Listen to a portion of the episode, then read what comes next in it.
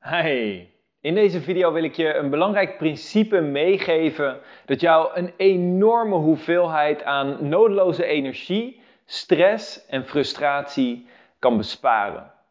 En dat is namelijk het inzicht en het principe dat je nooit in discussie kan winnen. Gisteravond verzorgde ik een groepscoaching sessie, wat ik regelmatig doe voor mijn bedrijf. En op een gegeven moment kwam tijdens deze sessie kwam eigenlijk het onderwerp naar boven. De, groeps, de, de groepscoaching sessie stond in het teken van je visie effectief kunnen communiceren. En op een gegeven moment kwam bij een van de deelnemers naar boven van... hé, hey, als ik mijn visie dan effectief wil communiceren... Um, wat nou als ik op een gegeven moment in een soort discussie terechtkom? En wat als het een wel eens niet eens verhaal wordt en we eigenlijk tegen elkaar in gaan boksen? Ja, dan wil ik toch me gelijk krijgen. En dan wil ik toch zorgen dat ik de ander kan overtuigen. En dit is iets wat ik heel veel heb mogen ervaren, heel veel heb mogen horen van verschillende mensen. Want we hebben allemaal wel ergens is de drang om gelijk te krijgen.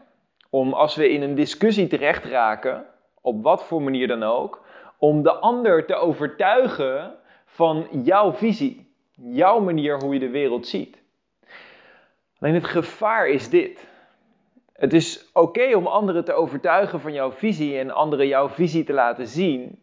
Alleen op het moment dat je een argument, hè, een discussie wil winnen, dat is het moment dat je in een strijd terechtkomt.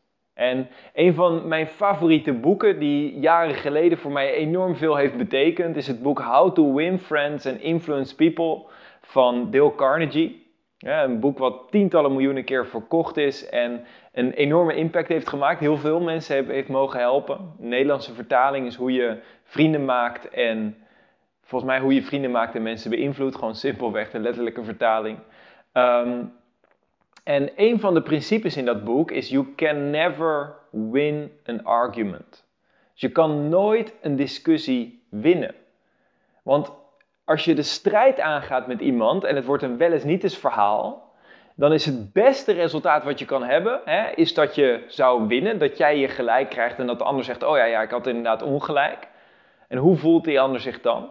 Die voelt zich verslagen. Die heeft waarschijnlijk een hekel aan je op dat moment omdat jij de discussie hebt gewonnen. Omdat jij het argument hebt gewonnen. En daardoor creëer je dus een win-lose situatie. Maar omdat de relatie daardoor in, in, het ergste geval verpest is, wat best wel kan gebeuren. Ik bedoel, hoeveel mensen zijn er uit elkaar gegaan, vriendschappen zijn er verbroken door discussies die er gevoerd werden.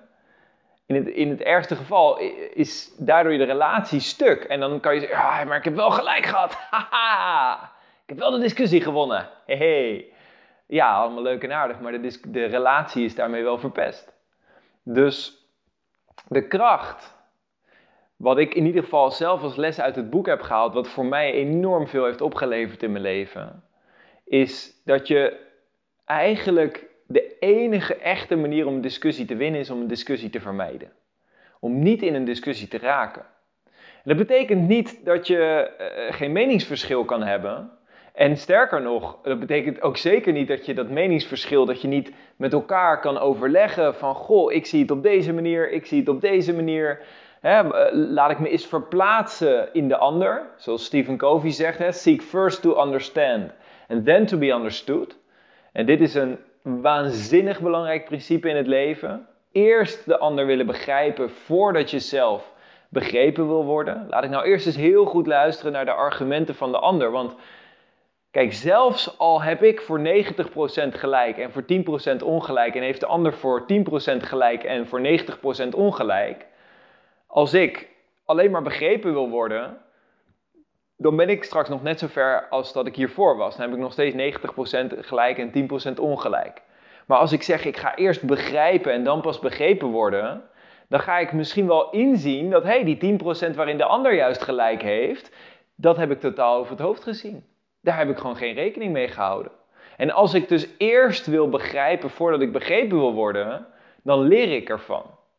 Ook al heb ik misschien voor het grootste deel gelijk, hè, als er zoiets bestaat.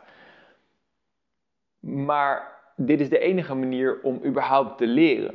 Hè, om jezelf te verrijken, om je eigen kennis te vergroten. En zo vaak als we in een discussie terechtkomen, stoppen we met groeien, stoppen we met openstaan om te leren, stoppen we met nieuwsgierig zijn omdat we op dat moment graag gelijk willen krijgen.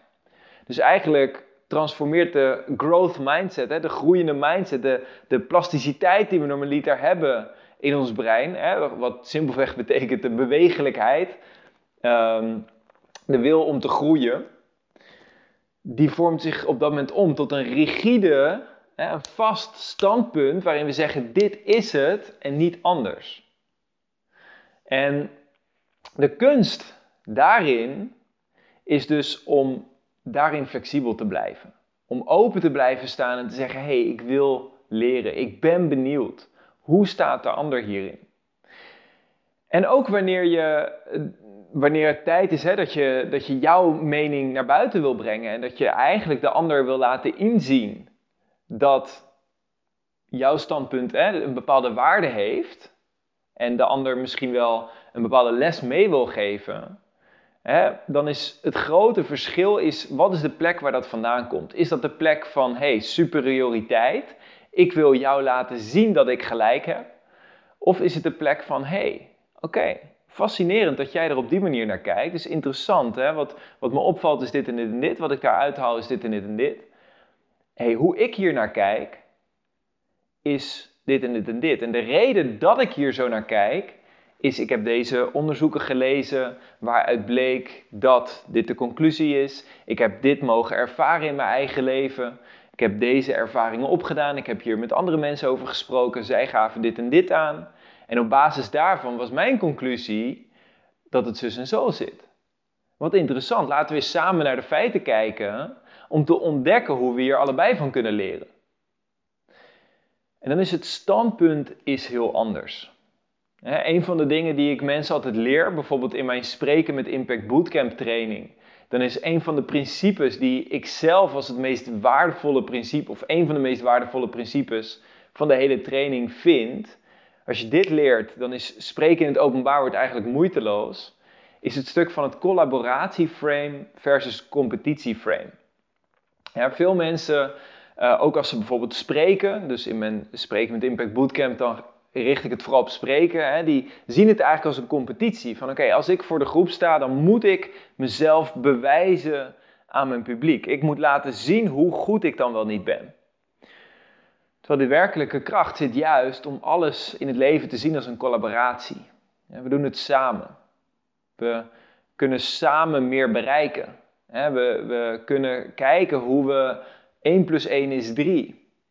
En daarom vind ik discussies of debatten vind ik ook altijd zo onzinnig. Want ze komen vanuit een standpunt van het competitieframe. Van oké, ik heb een standpunt en ik heb een standpunt. En we gaan met elkaar de strijd aan om te zien wie er wint. Terwijl de kracht van het collaboratieframe is juist, ik heb een standpunt en ik heb een standpunt. En laten we met elkaar kijken hoe we daar allebei van kunnen leren hoe we na een gesprek van een half uur of van een uur er allebei beter uit kunnen komen.